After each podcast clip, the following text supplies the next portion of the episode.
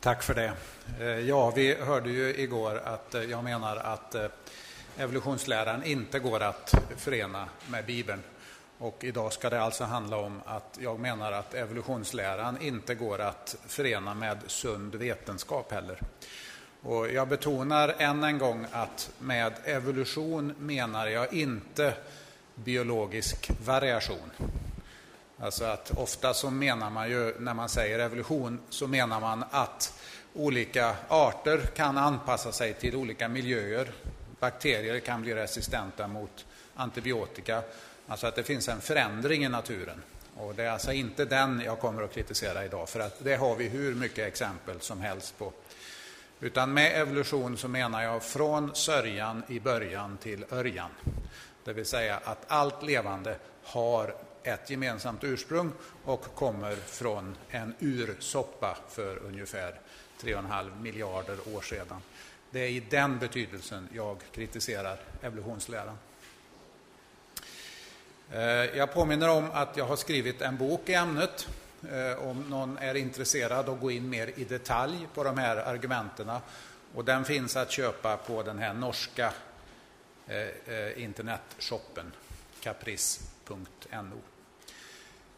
Eh, om ni är, jag presenterade också att jag kommer från en förening som heter Genesis.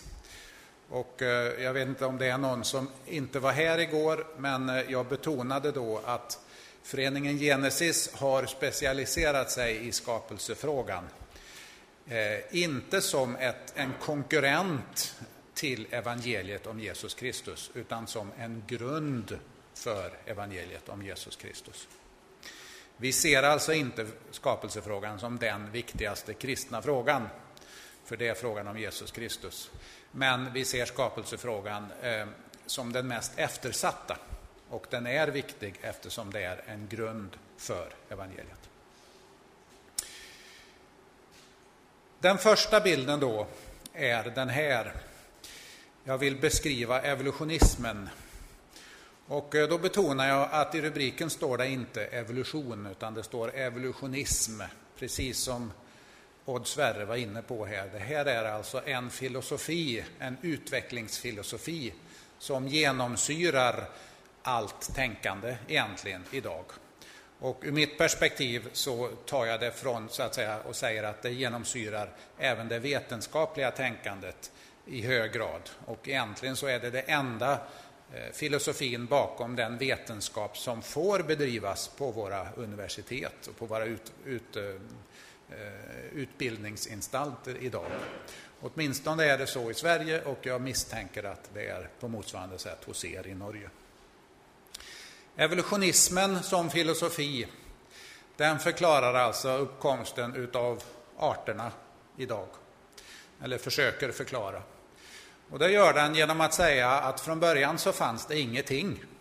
Sen exploderade ingenting i någonting som kallas för en Big Bang. Då massa, energi, men även tiden och rummet skapades.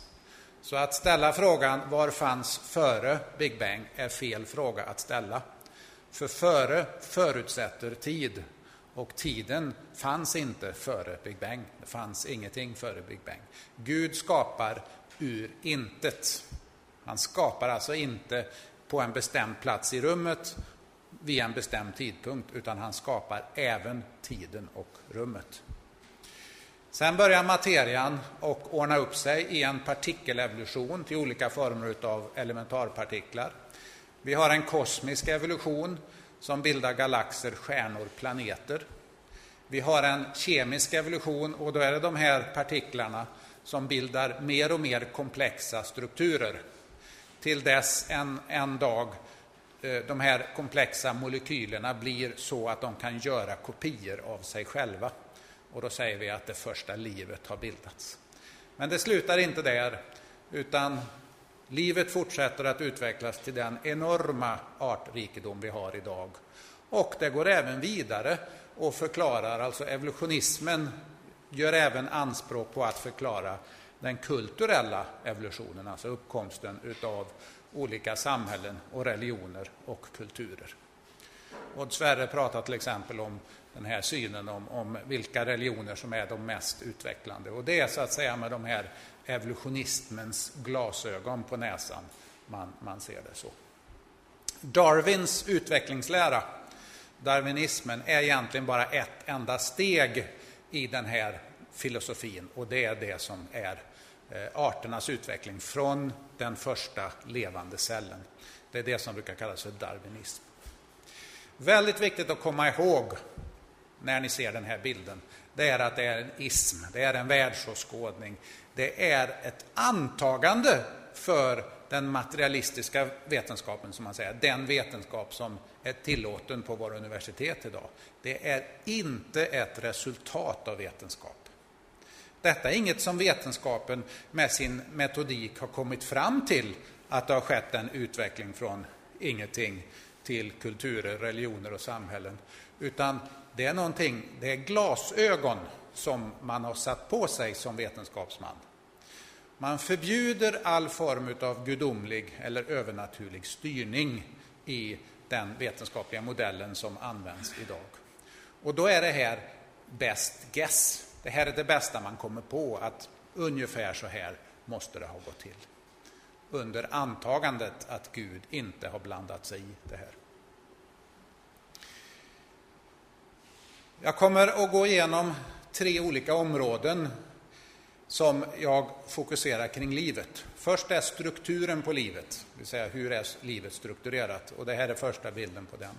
Det andra handlar om omgivningen för livet, det vill säga universum och jorden. Och det, fjärde, det tredje handlar om uppbyggnaden av livet. Då ska vi gå in lite grann i våra celler och titta vad de ger för budskap.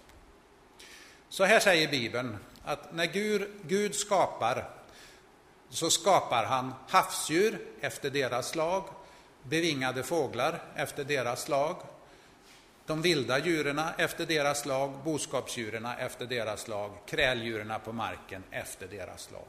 Och så vidare. Gång på gång när Gud skapar både djuren och växterna så gör han det efter deras slag. Han skapar alltså vissa grupper utav organismer. I vissa bibelöversättningar så står det här, åtminstone svenska bibelöversättningar, så står det att Gud skapar inom sina arter. Finns det i de norska? Nej. Eh, och det är väldigt olyckligt. Var glad för att det inte står så i de norska. För det är alltså inte arter det handlar om här. Utan Gud skapar, vad som står är att när Gud skapar så gör han det inom vissa grupper, inom vissa sorter, inom vissa slag. Tittar vi på naturen så är det precis så naturen ser ut. Det här är en principskiss på hur naturen är uppbyggd. Vi har alltså ett skapat slag av hunddjur. Vi har kattdjur, vi har hästdjur, vi har människor och så på motsvarande sätt på andra områden inom, eh, inom det biologiska livet. Och det är precis det vi finner i Bibeln. Det finns två saker som utmärker den här strukturen. Det ena är att inom gruppen, inom det skapade slaget, så finns det en rik variation. Och det andra är att mellan grupperna så har vi vattentäta skott. Vi har många olika typer av hundar, vi har många olika typer av katter. Kan någon visa upp hundkatten? Nej, den finns inte. Va? En hund är alltid en hund, en katt är alltid en katt. Och detta är ju vad man kan förvänta sig. För att när Gud skapar urhunden så skapar han den ju inte eh, rigid så tillvida att den inte kan anpassa sig till olika miljöer. För att då skulle ju hunden dö ut när klimatet blir kallare eller varmare eller när det blir torrare, torrare eller mer blåsigt eller vad det nu kan vara. Så Gud skapar naturligtvis de här skapade slagen med en inbyggd möjlighet till variation. Och idag vet vi en hel del om hur den variationen fungerar. Den sitter i våra gener. Idag har man kommit så långt inom molekylärbiologin så att man vet mycket om hur de här generna fungerar för att generera eh, variationen inom slaget. Det här är till exempel då en ökenräv och en polarräv. De kommer från samma skapade urhund Ökenräven den har tunn päls för att den inte ska bli för varm. Och den har stora öron och det beror på det att blodkärlen går väldigt ytligt i öronen. Så att de fungerar som värmeradiatorer. Det hjälper den här ökenräven att hålla sig cool i ett varmt klimat. Polarräven är tvärtom, den har tjock päls och små öron. Och här har alltså Gud lagt in möjligheten till de här olika variationerna från början. Men observera att tjock respektive eh, tunn päls är inget som har utvecklats. Informationen till båda fanns där från början. Gud har lagt in den här från början. Och det är faktiskt också något som molekylärbiologin mer och mer ser. Det är att strukturerna, informationen, biblioteket för att bygga de här olika strukturerna, de finns där från början. Sen handlar genetiken mer om att slå av och på befintliga gener. Det är som att bygga med lego. Om jag har en legosamling så kan jag bygga en kossa lite olika med lite olika färger, lite olika långa ben, lite olika svans och så vidare. Eh, och, och, det gör jag genom den variation då som finns. Men legoklossarna fanns där från början. En mutation verkar ofta på det sättet att jag tar en hammare och hamrar sönder en legobit. Och det är ganska tufft, har någon försökt slå sönder en legobit. Det kräver lite våld kan jag tala om, men det går. Om jag inte deformerar den här biten allt för mycket så kan jag fortfarande bygga min ko utav den. Men jag får naturligtvis en sämre ko. Va? På något ställe så är det lite trasigt om man säger så. Så fungerar ofta mutationerna. De förstör det här från början Eh, goda eller, eller, eller eh, korrekta eh, genetiska materialet. Så här har vi alltså skapelsetron som stöds av fakta i naturen. Gud skapar människan, han skapar apan, han skapar katten och så vidare inom olika biologiska grupper. Sen kan den här variationen, som ibland kallas för mikroevolution, göra att idag ser vi människor lite olika ut, aporna ser olika ut, katterna ser olika ut och så vidare. Och det är lite olyckligt att kalla det för mikroevolution egentligen, för att det är inte evolution i betydelsen att något nytt bildas, utan det är bara variation på ett befintligt tema. Och som jag sa inledningsvis, när man bevisar evolutionen så handlar det om den här variationen. Till exempel bakterier då, som blir resistenta mot antibiotika. Det är ju ett paradexempel på evolution, känner ni säkert till.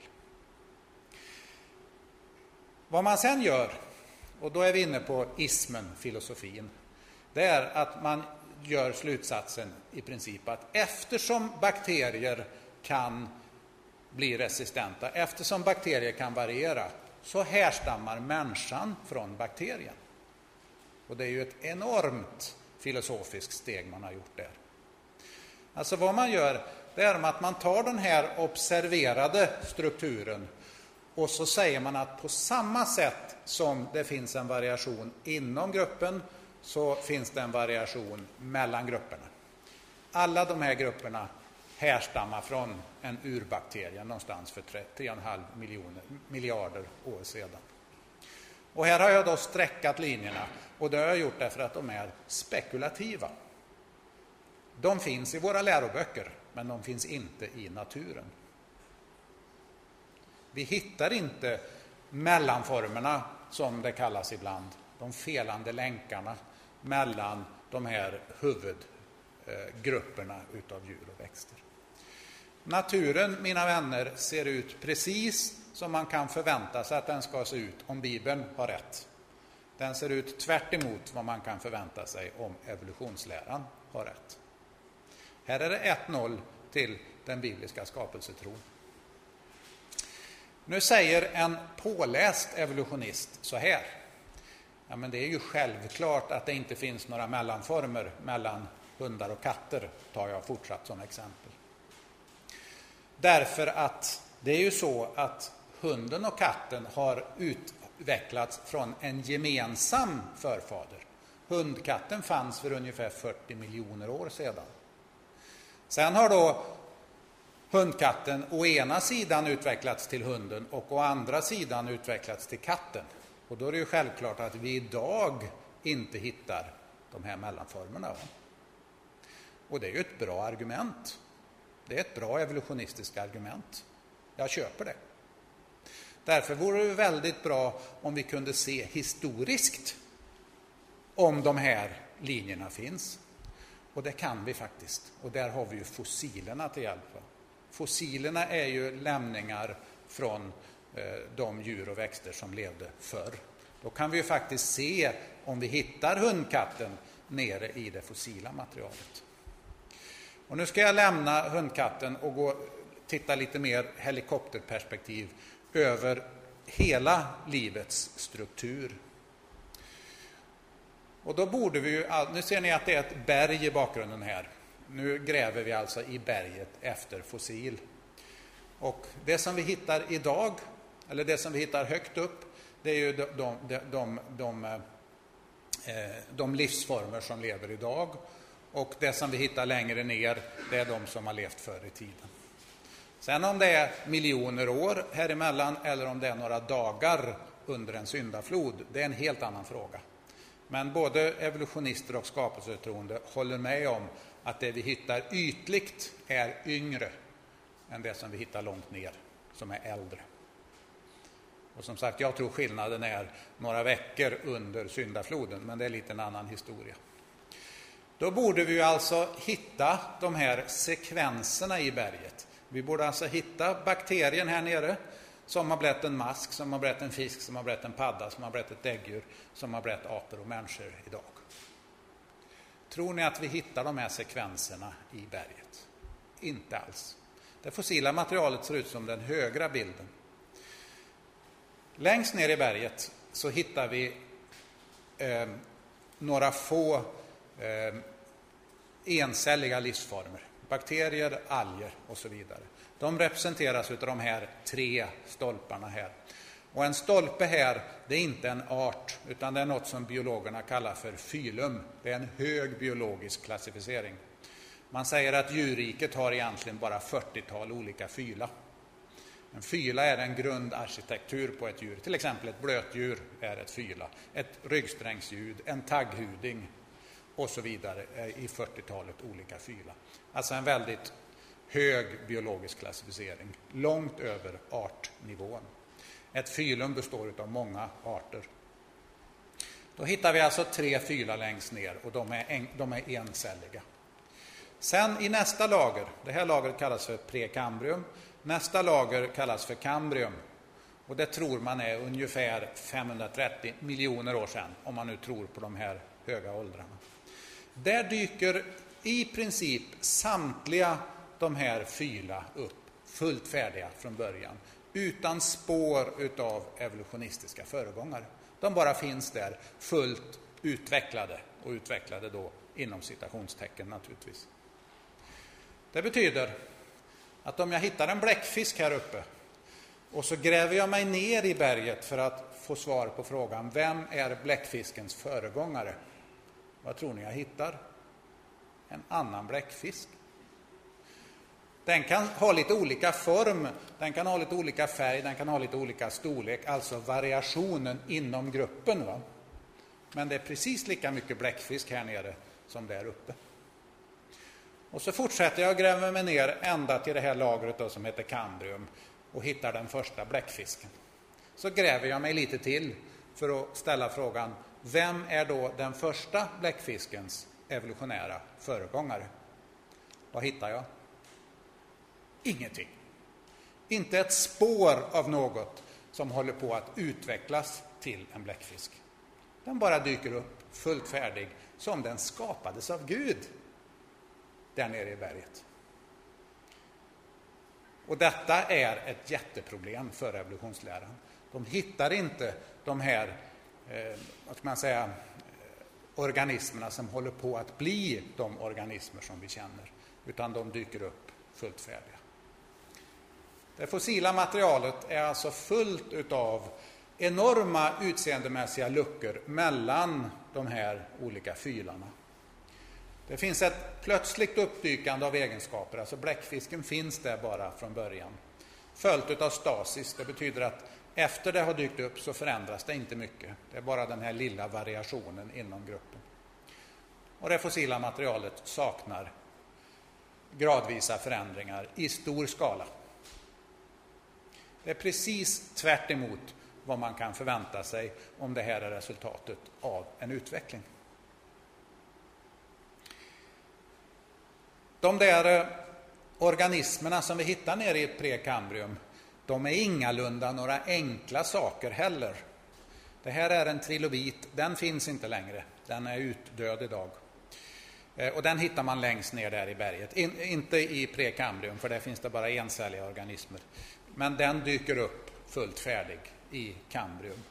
Tittar vi på den här så har den ett skal, den har en segmenterad kropp, den består av tre lober, därav namnet trilobit. Den har ett muskelsystem, den har ett respiratoriskt system, alltså ett andningssystem med lungor och syresättning och alla de komplexa kemiska processer som det innebär. Den har ett nervsystem med nervbanor och hjärna och hela balletten. Den har sammansatta ögon. Det finns biologer som säger att den här trilobiten har de mest komplexa ögon någonsin i hela djurvärlden. Och den finns längst ner i berget. Den har en hjärn, ett hjärta och den har ett blodcirkulationssystem. Skulle vi inte förvänta oss nu, om utvecklingsläran är korrekt, att hitta någon liten blob där nere? Va? Som sen blir de här komplexa systemen. Men vi hittar en enormt komplex organism där nere. Fullt färdig, utan spår av evolutionära föregångare. Hur kan man i vetenskapens namn hävda att trilobiten har utvecklats när verkligheten, när den fossila verkligheten säger precis raka motsatsen? Jag tycker inte det är vetenskapligt korrekt att göra på det sättet.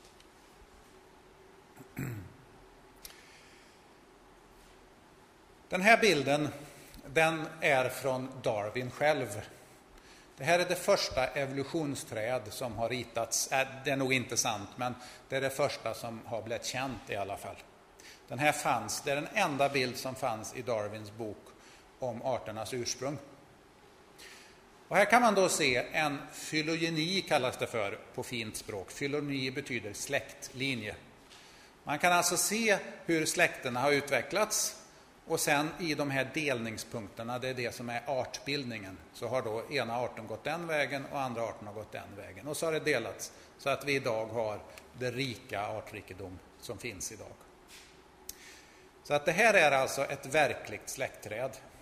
Men märk att vad Darwin har satt in här, det är hypotetiska arter. Han har inte lagt in bläckfisken och tagghudingen och trollsländan och så vidare här. Utan han kallar det för A1 och A2 tror jag det står. Alltså han har bara hypotetiska namn för det. Så att vad Darwin gjorde, det är att han har en verkligt släktträd, men han klär det med hypotetiska arter.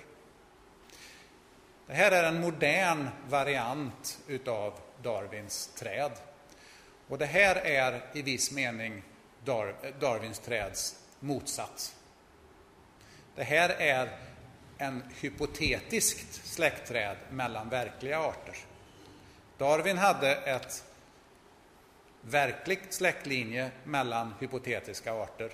Det här är en, hypo, en hypotetisk släktlinje mellan eh, verkliga arter. De är alltså varandras motsatser i den här meningen. Men biologerna, evolutionsbiologerna vill få oss att tro att det här är uppfyllelsen utav det som Darwin förutsåg. Men det är helt fel. Det här är, något, det här är egentligen motsatsen till det Darwin ritade. Hur kan jag då påstå att det här är ett hypotetiskt träd? Ja, låt oss zooma in oss lite på de här punkterna i trädet.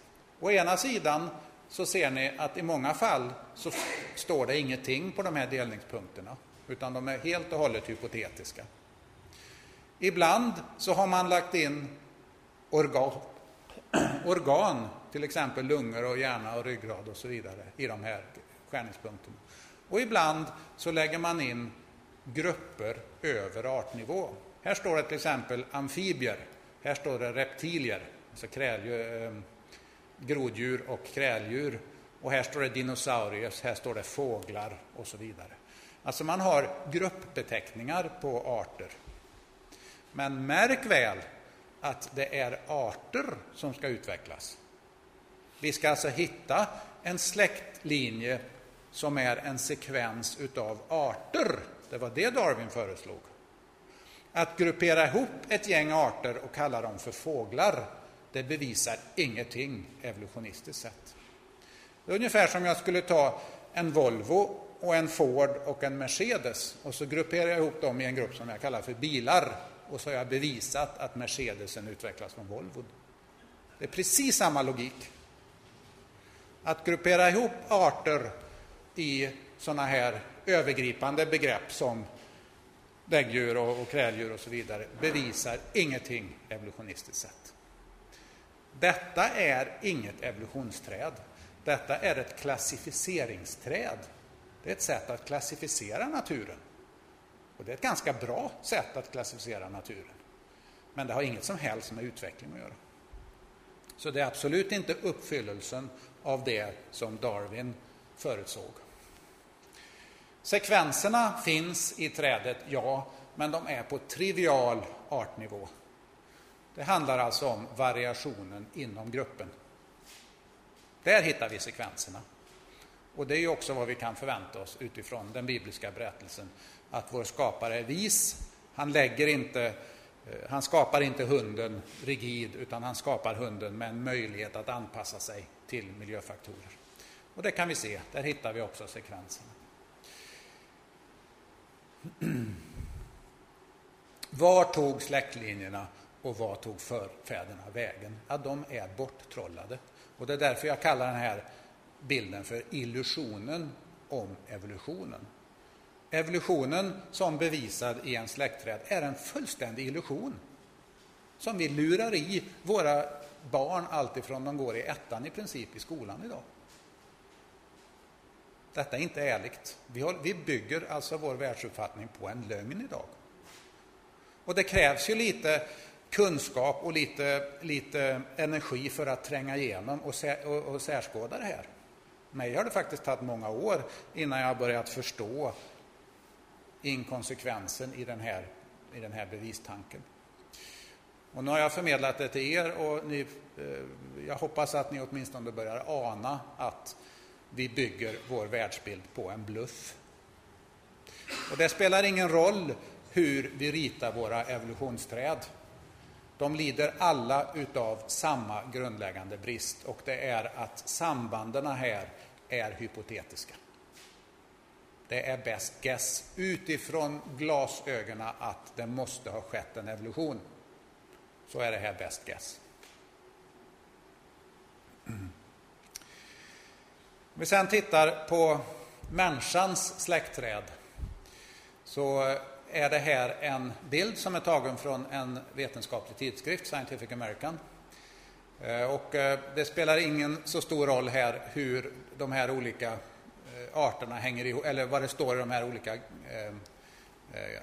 arterna. Vi har till exempel människan här uppe och vi har Homo erectus här, vi har neandertalaren här och så vidare ner till för ungefär 5 miljoner år sedan säger man. Det som är viktigt i den här bilden det är ju alla frågetecken. Då. Motsvarande bilder finns i våra läroböcker med den skillnaden att de inte har några frågetecken. Men Scientific American är ärlig här. De säger att utifrån det evolutionistiska antagandet att människan kommer från apan, eller att människan och apan har samma förfader, så är det här best guess. Men egentligen så vet vi inte här och inte här och inte här och inte här och så vidare. Den här bilden Eh, är ju gammal nu, eller ja, i det här sammanhanget så är det gammalt, för man har hittat en hel del efter år 2000. Så jag har läst en bok av samma författare som heter Ian Tattersall, som är då en, en av de mer välkända paleoantropologerna idag. Paleoantropolog är en som forskar på mänskliga fossil. Eh, så att jag kompletterar det här trädet i grönt då, eh, med vad vi vet idag, eller 2009. Eh, och det är i princip samma sak. Det finns vissa fall, man har hittat den här eh, Florentiensis florensiensis nere på Java till exempel, som man inte vet var den kommer ifrån. Eh, man tror att den här ergaster inte härstammar via habilis utan den härstammar direkt från den okända förfadern. Och så några andra smärre justeringar. Men principen att man inte vet är lika tydlig idag som den var för tio år sedan. Jag har också läst en annan artikel som tittar lite grann på, alltså man kan ta de här fynderna och så kan man titta på utseendemässiga saker hos dem. Hur, hur hög panna de hade, hur, buska, eller hur stora ögonbrynsbågar de hade. Alltså olika anatomiska likheter och olikheter. Och så kan man sätta ihop de här efter sådana här eh, eh, morfologiska analyser, heter det. Alltså morfologin tittar på hur utseendet hos de här fynderna ser ut. Och då visar det sig att de här fynderna, de har väldigt stora morfologiska likheter. Till skillnad mot resten som inte passar i den här gruppen. Och ni ser också på de här linjerna emellan att det är i princip en, en linje som går så här. Att det här är en grupp och det här är en annan grupp. Det här, mina vänner, är Adam och Evas släktingar. Det här är hundraprocentiga människor. Det finns ingenting som säger att Erectus är någon primitiv människa. Hon såg lite annorlunda ut, hon hade lite annan panna, lite olika ögonbrynsbågar och så vidare. Men Erectus, de egenskaper som gör att vi säger att Erectus är en primitiv människa, finns idag hos fullt normala människor. Faktiskt. Det är inte större variation inom den här gruppen av historiska människor än det är inom människan idag. En europe ser annorlunda ut från en afrikan som ser annorlunda ut från en asiat och så vidare. Det finns en variation inom gruppen människa idag och den är inte mindre än den historiska variationen utav gruppen människor. Men med evolutionistiska glasögon så blir det primitiva människor och utvecklade människor.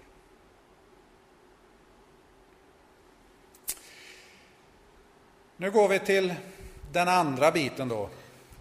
Vi lämnar strukturen på livet och går till omgivningen för livet. Jag nämnde lite om universum igår. Jag tänker inte ta de bilderna igen, utan jag tittar på jorden istället. Då finns det två scenarier, eller två olika glasögon med vilka man kan betrakta jordens historia. Katastrofism och uniformism. Katastrofismen, den gällde faktiskt, den har alltid gällt tills för ungefär 200 år sedan. Då böts den ut mot den andra synen. Katastrofismen lär att de här sedimentära bergarterna, som det heter, avlagrat berg, är bildat under en eller flera katastrofer i jordens historia. Översvämningskatastrofer.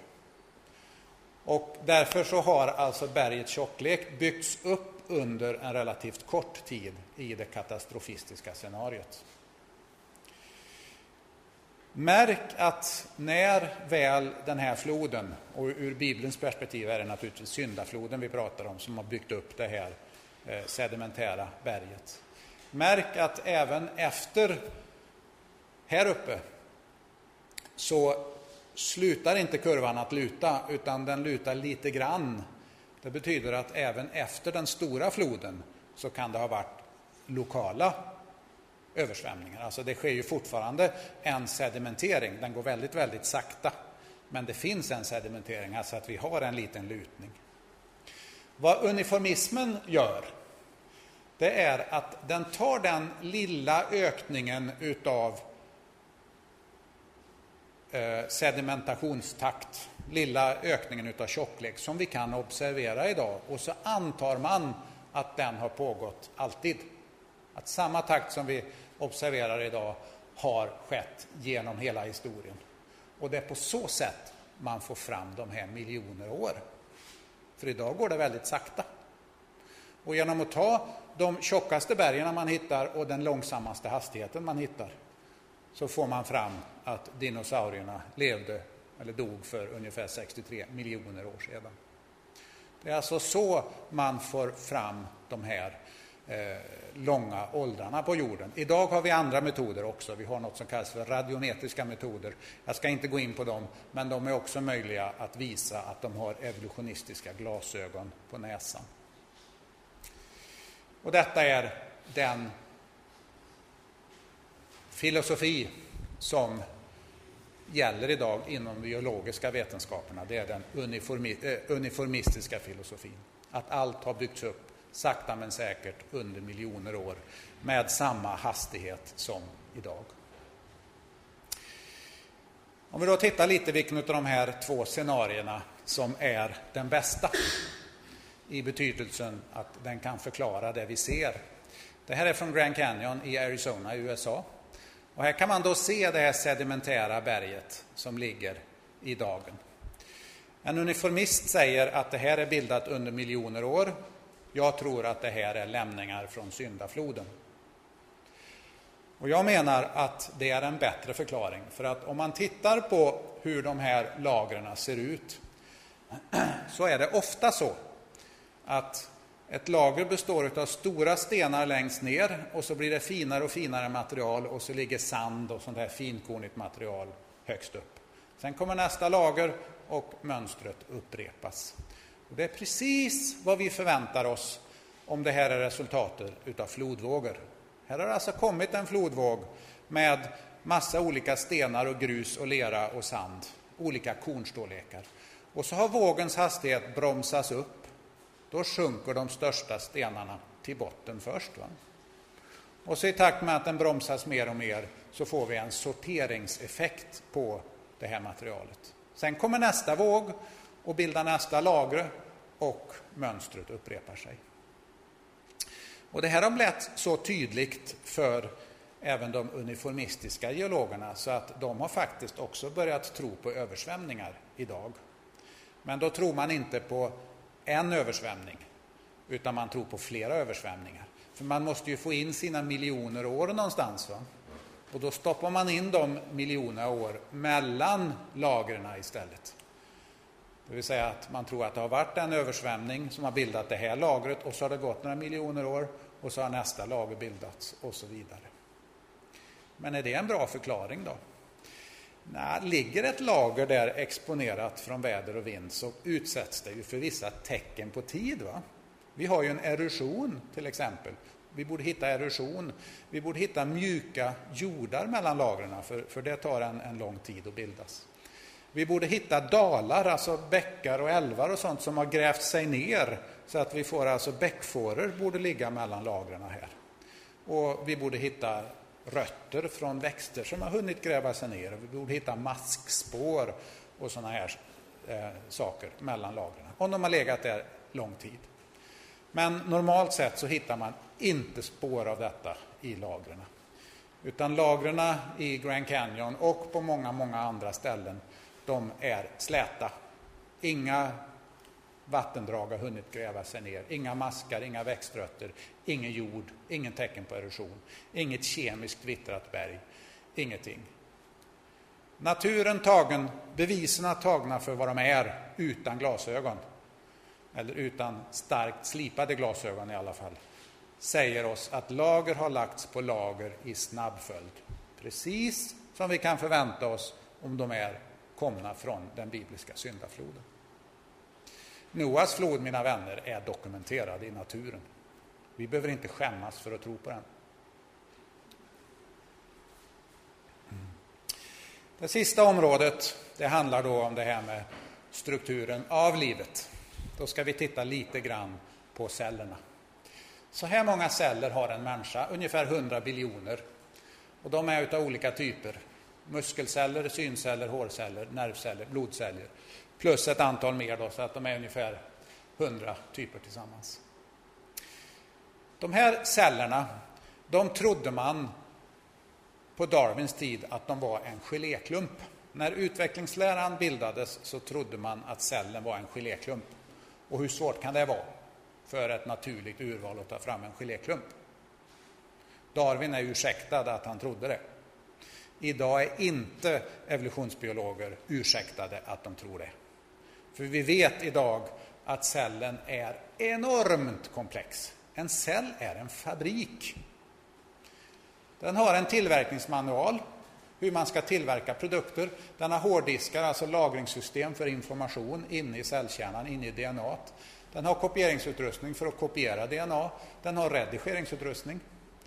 När DNA tas och byggs proteiner utav, en gen tas och så bygger man proteiner av genen. Men det går inte direkt från gen till protein utan det redigeras så att man får rätt slags protein vid rätt tillfälle. Den har olika språkkoder med översättningsmaskineriet som översätter från kod till kod.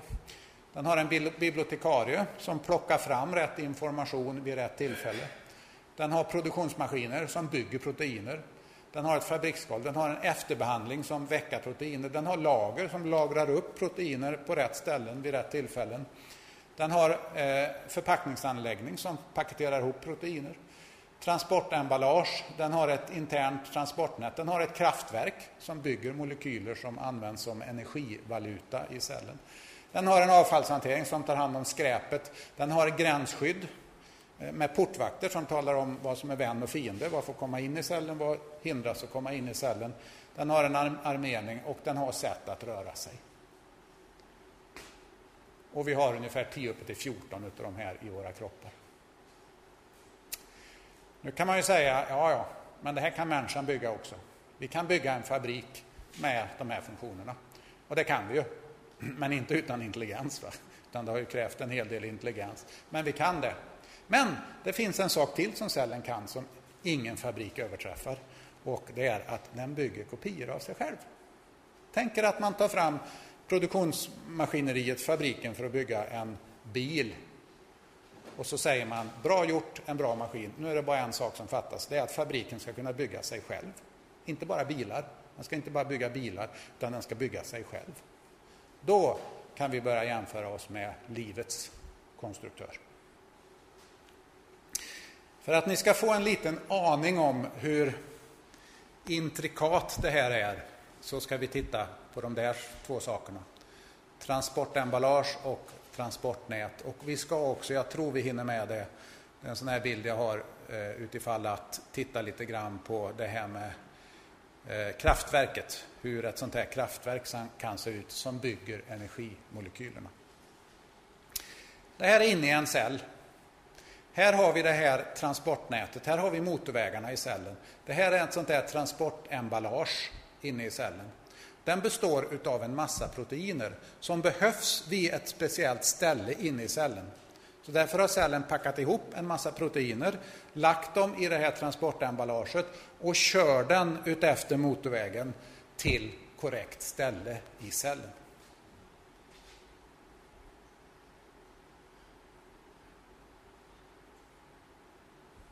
Det här kallas för motorprotein.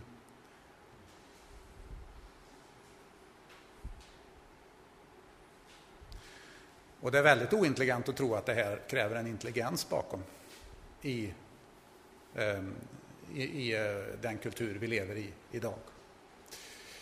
Det här är kraftverket. Eh, energivalutan i våra celler, det är någonting som kallas för ATP. Och eh, den sätts ihop av två mindre molekyler, ADP och PI. Och det görs det i någonting som kallas för katalysator. Och en katalysator, när jag gick i skolan så fick jag lära mig att en katalysator är en kemisk substans som påskyndar en kemisk reaktion utan att själv förbrukas. Det låter ju lite tråkigt och torrt. Va? Det här är en biologisk katalysator, kallas för enzym också. Det är alltså en motor, och det fick vi en beskriv, beskrivning av dig, eh, Odd Sverre här. Va? Eh, där man då har statorn som sitter inlagrad i ett membran. Man har en rotor det som driver motorn här är inte elektroner utan det är protoner, elektriskt laddade partiklar. Den driver igenom eh, en, en motorskaft eh, här och snurrar inne i de här sex olika proteinkomplexerna. Och de genom rotationen sätts i olika stadier som gör det att i ett stadium så laddas de här två molekylerna, i nästa stadie så klistras de ihop och i tredje stadiet så släpps de loss då som en ATP, en energimolekyl som används överallt sen i våra celler. Det är en ganska fantastisk maskin det här. va? Hur stor är den här då? Ja, ni har miljoner av dem i en enda cell. Så här många får plats i ett knappnålshuvud. Alltså vi tycker vi är duktiga idag när vi kan bygga nanomaskiner, säger vi. Det här är en nanomaskin. Det här är ingen det är en pickomaskin eller en Fermi-maskin eller vad man nu ska kalla det för. Alltså att cellen bara skriker jag är konstruerad. Jag är ingen slump, jag är inte tid och ett naturligt urval. Den skriker det åt oss alltså. Det krävs väldigt mycket förnekelse idag för att säga att det här inte är ett resultat av en intelligens. Det finns en molekylärbiolog som har sagt så här. Att skapa design, då pratar han alltså om det som är förbjudet att tro på inom, inom den akademiska universitetsvärlden. Alltså att det ligger en skapelse, en design bakom våra celler. Skapa design i cellerna är som en elefant i vardagsrummet. Den tar upp enorm plats och den tränger undan oss, den trumpetar, den äter tonvis med hö och den luktar som en elefant. Och ändå måste vi svära på att den inte finns där. Så säger en professionell molekylärbiolog. Och han är anonym. Och varför är han anonym? Jo, för han skulle sannolikt förlora jobbet om han visste vem det var som hade sagt så här. Det är hädelse att säga i akademiska sammanhang att det ligger en intelligens bakom våra celler. Så långt har förnekelsen gått. Och det går under stämpeln vetenskap. Alltså att man vanärar vetenskapen. Vetenskapen är ett enormt bra sätt att finna ut saker om Guds skapelse. Vetenskapen ärar Gud. Det är då vi ser hur fantastiskt allt det här är. Men man har gjort vetenskapen till ett förnekelseargument, ett förnekelseinstrument mot intelligent design och intelligent upphov. Och det här är då konklusionen. Nu står det avvecklingsläran. Du kallade det för invecklingsläran, va? eller du antydde det. Jag har kallat det för avvecklingsläran då, i motsats till utvecklingsläran. Det här är vad bevisen säger oss. Om vi nu följer vårt förnuft och inte en massa förutfattade meningar.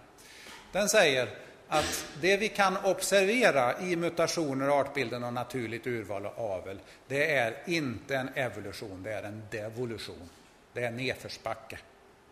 Och det var jag inne lite grann på igår också. Urhunden som många tror var väldigt lik en varg, för att en varg är väldigt genetiskt eh, potent om man säger så. Idag har vi ju en massa olika hundraser som kan se olika ut. Men det är ju inte mycket varg kvar i den här chihuahuan. Va? Man har bestrålat olika blommor för att få dem att mutera snabbare och på så sätt påskynda evolutionen. Vad får man? Man får sjukliga, förstörda, handikappade blommor. Och den här översta den symboliserar den mest vanliga exemplet på en mutation som man kan se. De flesta mutationer är på molekylär nivå om man läser böcker och sånt där. Men det finns en mutation som man kan se med ögon och det är den här tvåvingade bananflugan som om den utsätts för en mutation kan, kan få fyra vingar. Alltså här säger man att den här har genomgått en utveckling. Den har utvecklats från tvåvingad till fyrvingad. Vad som har hänt är att den här har gyroaggregat på bakkroppen här, alltså som håller balans på den. Och det är de som har blivit ett vingpar. Legobiten för vingar har använts en gång för mycket. Det är det som har hänt. Alltså styrsystemet har, har kvaddat. Det finns inget nytt i den här. Men styrsystemet har muterat som gör att legobiten för vingar används fyra gånger istället för två gånger. Och eftersom den här då inte har kvar de här balansorganen så kan den inte flyga. Det här är en gravt handikappad flyga. Det här är ingen evolution, det är en devolution. Vad vi skulle behöva, det är det här. va. Vi skulle behöva se uppbyggnaden då från det lägre eller från, från, från det mindre komplexa till det mer komplexa och till det bättre fungerande. Och det, mina vänner, är aldrig observerat. Det är helt och hållet en skrivbordsprodukt.